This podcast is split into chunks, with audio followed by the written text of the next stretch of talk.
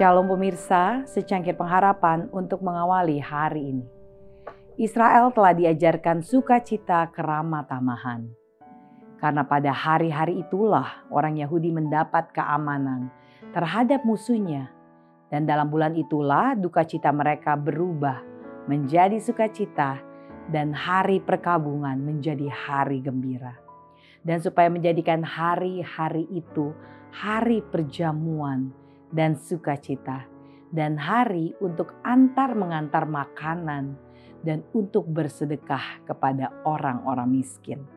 Esther 9 ayat 22. Rasa terima kasih, kegembiraan, kebajikan, percaya pada kasih dan pemeliharaan Allah.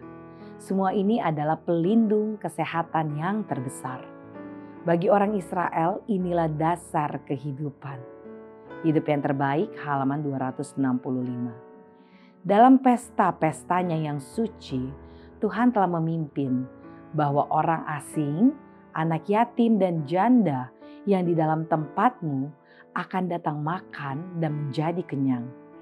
Seri Membina Jilid 5 halaman 165.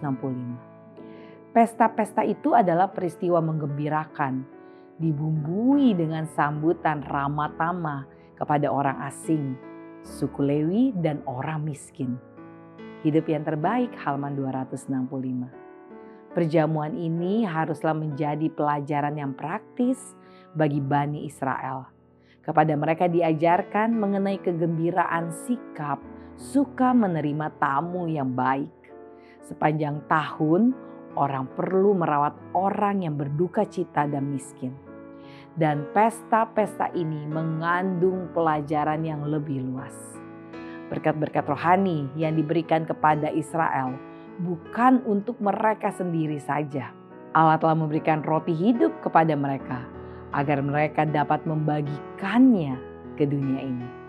Seri Membina Jilid 5 halaman 165. Demikian renungan kita hari ini. Selalu mulai harimu dengan secangkir pengharapan.